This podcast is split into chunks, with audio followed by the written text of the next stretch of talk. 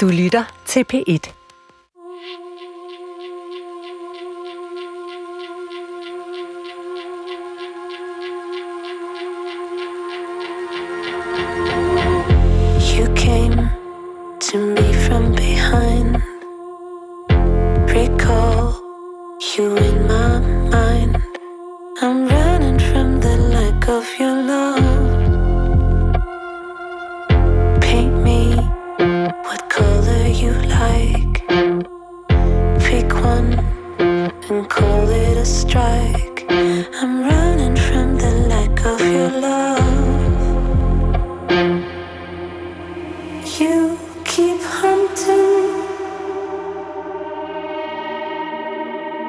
Det her er 6. og sidste episode af Det Brændte Bordel, sæson 2.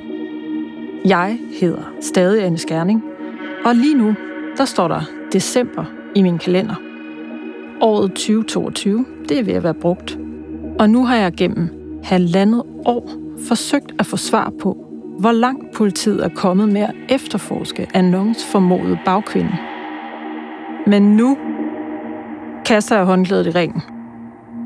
Jeg kan simpelthen ikke få svar på, om Annons mod og vilje til at stå frem som vidne vil betyde, at den her sag mod hendes bagkvinde rent faktisk bliver til noget, eller om den bliver droppet.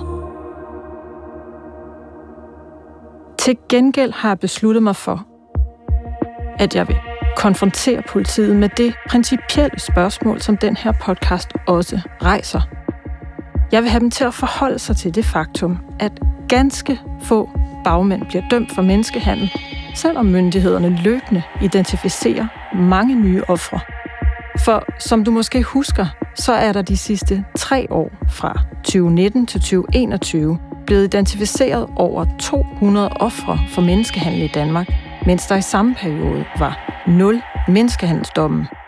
Og hvis vi ser på de thailandske ofre, så er Nong jo bare en ud af 50 personer, der er blevet identificeret af myndighederne gennem de sidste fem år til og med 2021. Ingen havde fortalt hende, at hun skulle prostituere sig. Hun endte med at skylde 130.000 Hun viser mig billeder af blå mærker på hendes krop.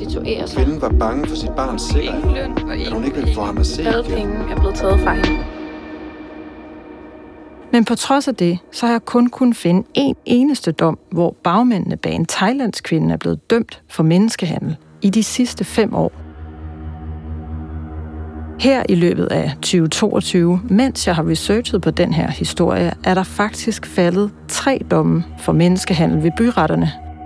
Den første af dem var sagen om kvinden i den pink jakke, og siden er der kommet to mere til.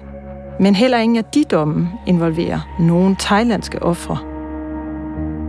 Så hvad er politiets forklaring på, at der ikke bliver dømt flere bagmænd? Det vil jeg gerne have svar på.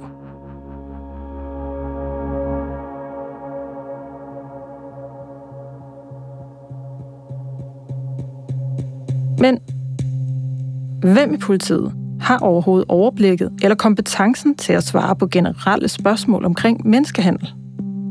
Det er ikke så let at finde ud af, for det viser sig, at ansvaret er spredt rigtig godt ud.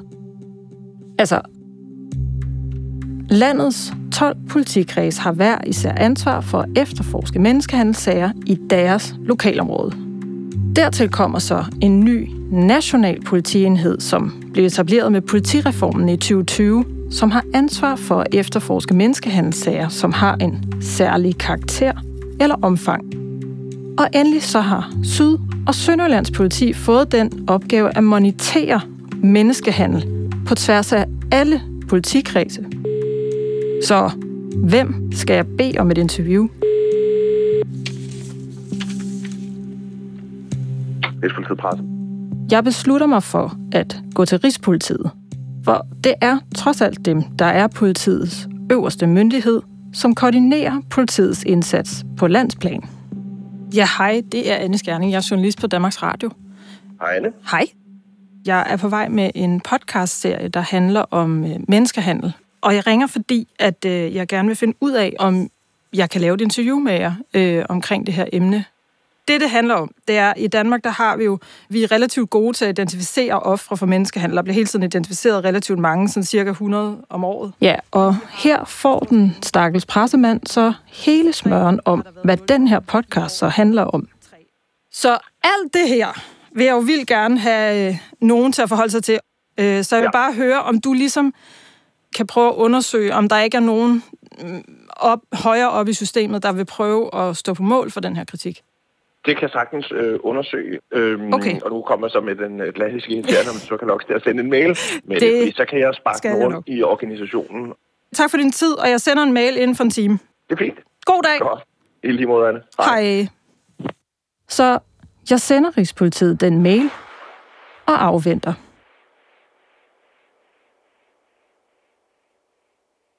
Og i mellemtiden vender jeg tilbage til Dennis. Der er nemlig et spørgsmål, jeg længe har gået og tænkt over. For har han egentlig nogensinde overvejet eller været bekymret for, at han kunne have købt sex af kvinder på tegklinikker, som har betjent ham mod deres vilje?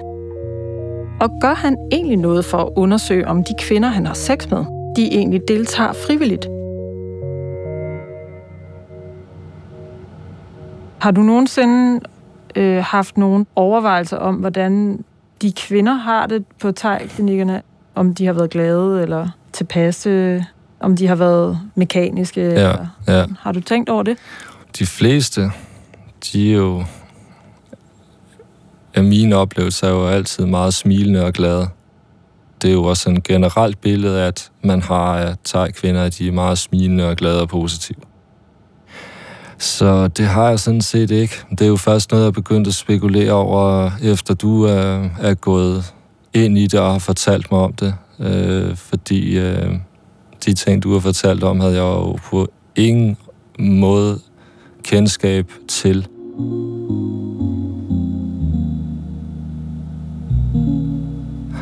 De ting, som du har fortalt mig, var øh, sådan set... Øh, ja, overraskende, meget overraskende.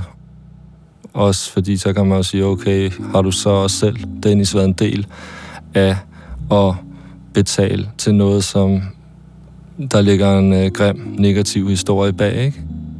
Det er jo klart. Det er jo de tanker, man får først og fremmest, når man får dårlig samvittighed over det. Øh, hvor førhen, så har jeg jo ikke skænket det en tanke. Hvis det nu er et fint sted, man kommer hen, hvor der er rent og fint, og der er gode badefaciliteter, og hvad der nu er for, man tænker, okay, men det her, det er jo virker til at være professionelt og seriøst, så tænker man jo heller ikke lige i første omgang som kunde, okay, men mange af de piger, som er her, de er måske handlet herop og øh, er tvunget ud i det, uden selv at have lyst til det, og blev misbrugt og udnyttet.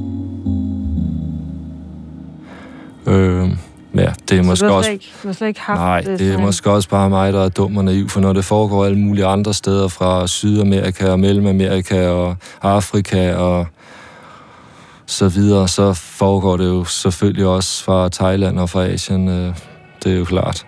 Men øh, ja, Ja, men du har jo ikke selv haft en eller anden oplevelse af, at der var nogle kvinder, der var utilpasse eller kede af det, eller... Øh, jo, det har, det har der været, været øh, lidt. Øh, de har jo også deres problemer. Jeg har også prøvet at, at hjælpe nogle af dem og, og sådan at gøre noget og sådan noget. Det, men det er, jo, det er jo svært, og det er også svært at vide, vil de have hjælp, eller sidder de bare og er ynkelige, fordi de gerne vil have dine penge, ikke? Så det er jo også svært at finde ud af. Altså, har du oplevet nogen på klinikkerne, der ligesom har været sådan... Er tegpigerne, der har været en, nu når jeg sådan sidder og tænker efter, at vi snakker om det. Jeg kan ikke huske, om det var chefen, der ikke var rar, eller det bare var ubehageligt at skulle være sammen med en masse kunder. Øh, med sex selvfølgelig, for at tjene nogle penge.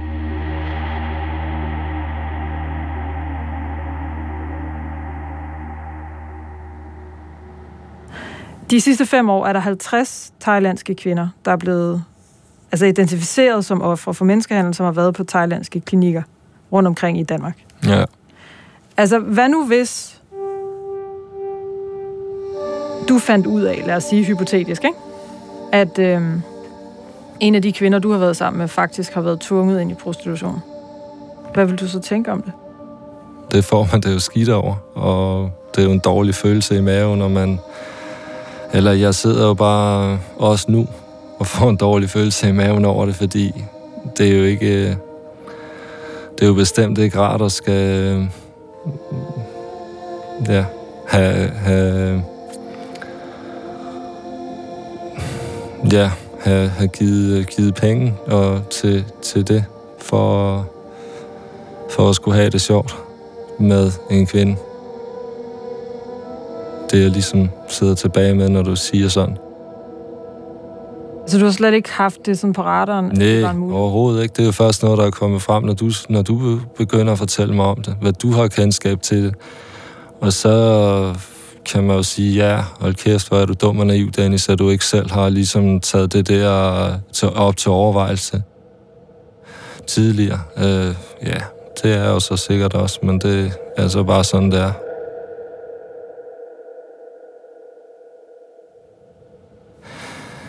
Men så... du er så ikke langt fra den eneste. Altså, der er jo rigtig, rigtig mange, der går til thai-massageklinikker og sikkert ikke har nogen, noget stort ønske om at støtte menneskehandel. Ja, men så skal man jo decideret spørge pigen, når man er derinde. Det kan man jo godt, som kan snakke engelsk. Hvor, hvordan har du det? Er du her af fri vilje, eller så skulle man jo bare spørge øh, dem mm. om det, hvis man havde nogle bekymringer i den retning. Vidste du egentlig godt, at Center mod Menneskehandel har en hotline, man kan ringe til, hvis man er bekymret? Nej, overhovedet ikke. Set med dine øjne, ikke? Hvem, hvem skulle så gøre noget ved det? Det skulle myndighederne og politiet jo, men det er jo, det er jo et kæmpe arbejde. De fleste ofre for menneskehandel i Danmark, det er kvinder, der er i prostitution. Og der er altså, der har været tre år ud af de sidste fem år, hvor der har været nul dømte. Nul domme for menneskehandel. Det er jo også svært at vide, at man har politiet ikke øh, de økonomiske ressourcer til at gøre mere i de retninger. Så er det jo op til politikerne og til myndighederne i sidste ende, hvem skal, hvad, hvad skal der være fokus på, og er man villig til, og er der stemmer politisk i at gå ind i sådan noget der. Og det er der måske, men det kræver, at som I er i gang med her, at oplyse mere og mere om, hvor slemt det er, hvor meget det foregår, og alle de der ting. Det er sgu at få bremse alt sådan noget der, hvor, hvor mennesker bliver udnyttet og, og misbrugt, det, det burde jo også ligge politikerne øh, højt på sinden, øh, kan man sige.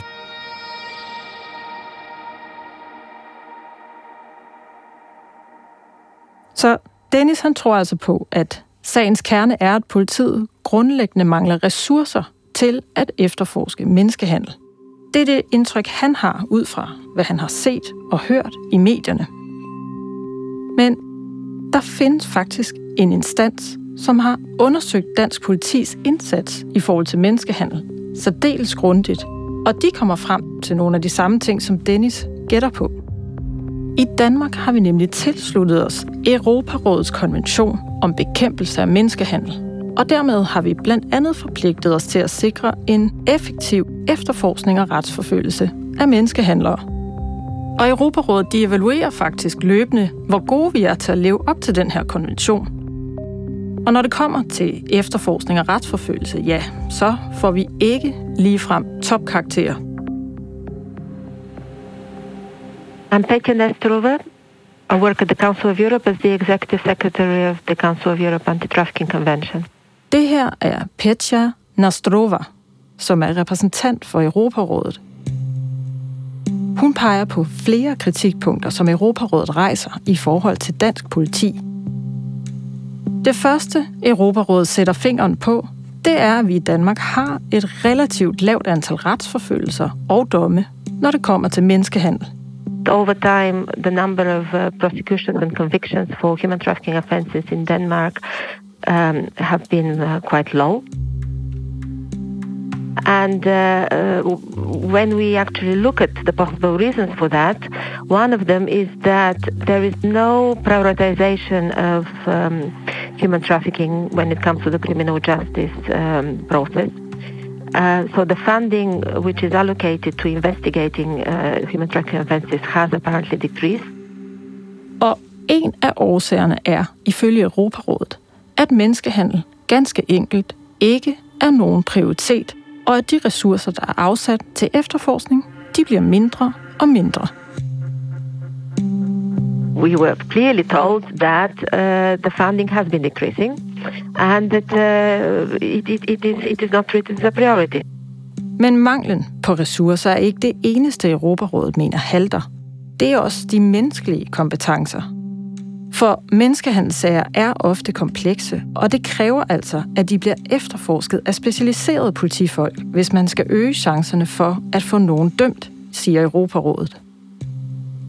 In, in many countries, you uh, and I can give examples within within the police, you would have uh, dedicated uh, investigators, men and women. So the more attention and the more uh, people you have working on on uh, on uh, such cases, uh, the better results you can you can achieve. If you don't prioritize, if you don't allocate sufficient resources to a particular crime area, you you cannot expect to to have good results.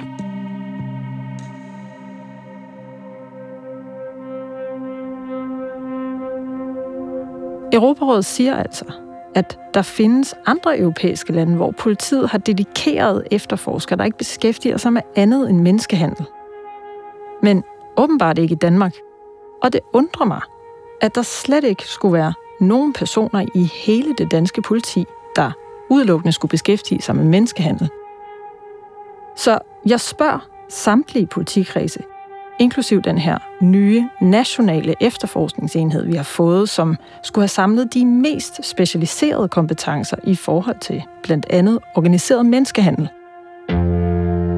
Men hele vejen rundt, der lyder svaret, at der er nul personer, der har ren fokus på menneskehandel. Get lost in the city of sin is challenging. I'm running from the lack of your love.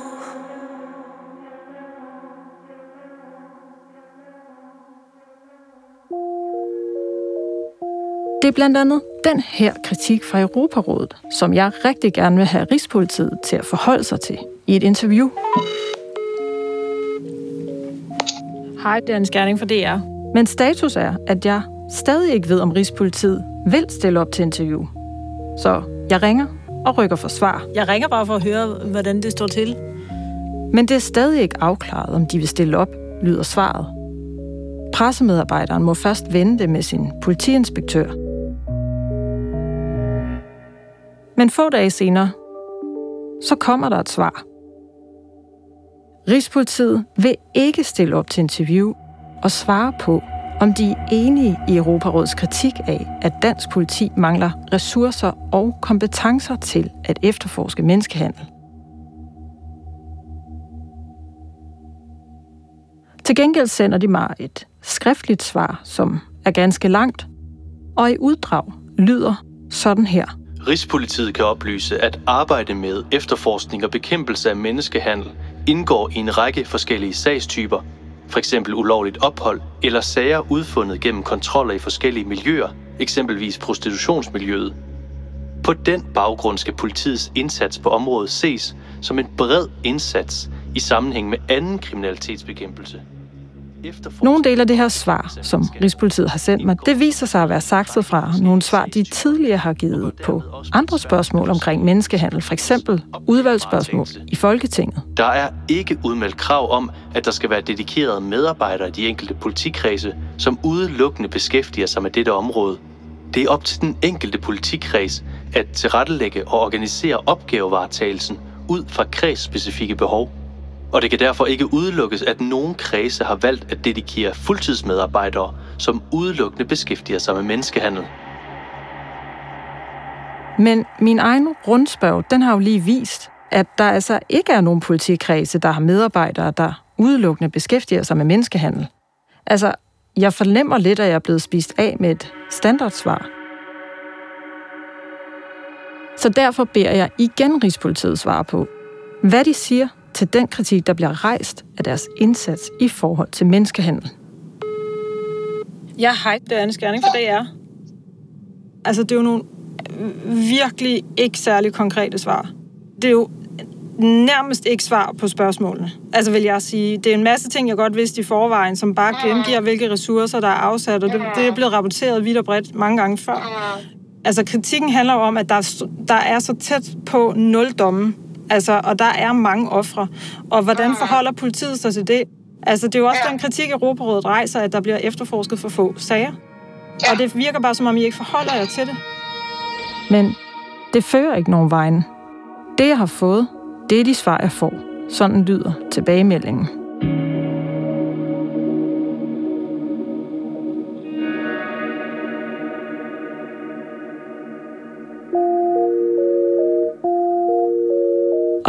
Som du måske kan høre, er jeg efterhånden ved at være rimelig frustreret. For jeg har ikke bare spurgt Rigspolitiet om at forholde sig til den her kritik. Jeg har også spurgt den nye nationale efterforskningsenhed, der på papiret skulle have særlige kompetencer i forhold til organiseret menneskehandel. De har også sagt nej til interview. Og så har jeg spurgt den fungerende justitsminister, som også har sagt nej til interview.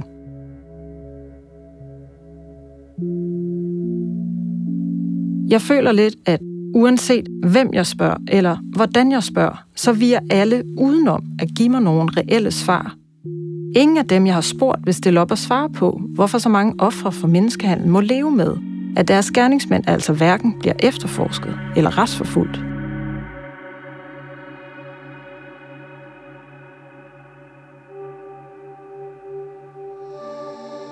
Men selvom jeg er frustreret, ja, så er det ingenting ved siden af, hvordan Anon hun har det. For selvom hun har taget mod til sig og sagt ja til at vidne mod den her klinikejer og fortælle, hvordan hun har været udsat for tvang og for trusler, så sidder hun nu på andet år et hemmeligt sted i Danmark, uden at ane, hvor langt hendes sag overhovedet er kommet, og hvornår hun kan forvente en afklaring. Nu er der gået snart to år, og der er ikke sket noget. Jeg har klaget, at jeg vil jo gerne videre med livet. Jeg fik at vide, at jeg skulle vente. Og nu har jeg ventet og ventet og ventet, og der sker ikke noget. Jeg er ked af det. Jeg, jeg er meget ked af det. Jeg øh, tænkte, at øh, prøv at se her, nu står jeg frem og fortæller, og jeg vil gerne fortælle, og det er mig, der vidner, og, altså et personligt vidne. Og jeg vil gerne vidne, for, fordi der foregår menneskehandel. Men hvorfor har de ikke gjort noget? Altså nu er der gået to år. Jeg ved ikke, hvordan man arbejder i Danmark. Jeg forstår ikke, at der ikke er sket mere. Jeg har fortalt det hele, hvordan hun arbejder, hvordan hun tjener penge, hvordan hun hvidvasker penge for at undgå systemet, men der er ikke sket noget. Jeg, jeg forstår det ikke. Jeg vil ønske, at jeg er den sidste, som øh, kom i den her situation. Og det er derfor, jeg gerne vil fortælle om det. Jeg vil ikke have nogen andre, de oplever det, jeg har oplevet. I keep searching for a path.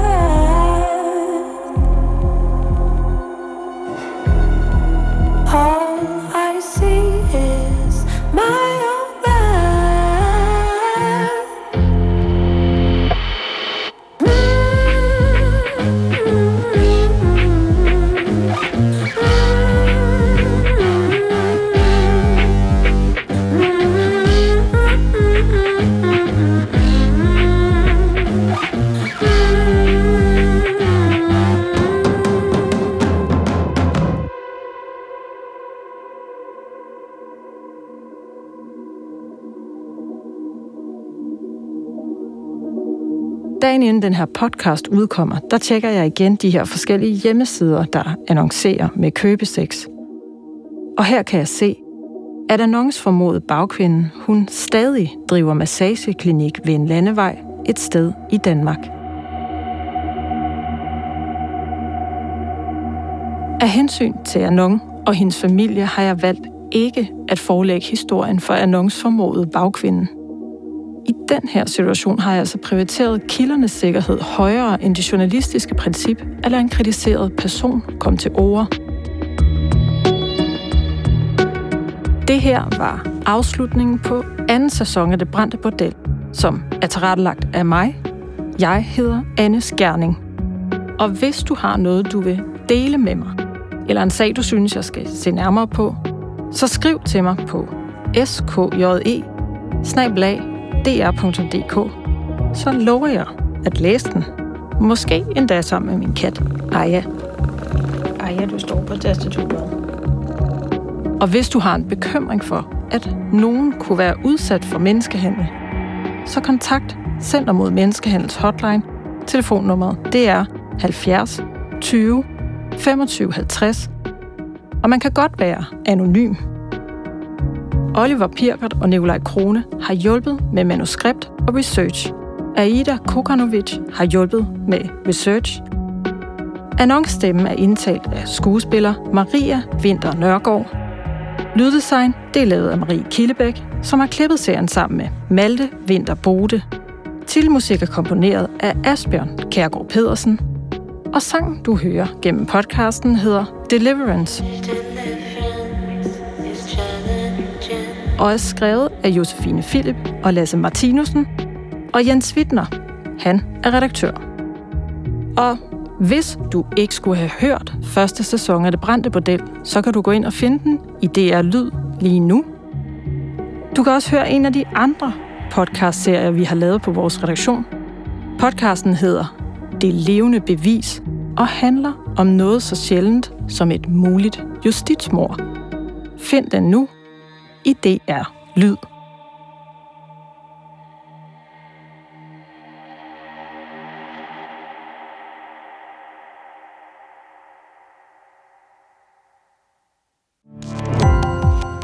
Gå på opdagelse i alle DR's podcast og radioprogrammer. I appen DR Lyd.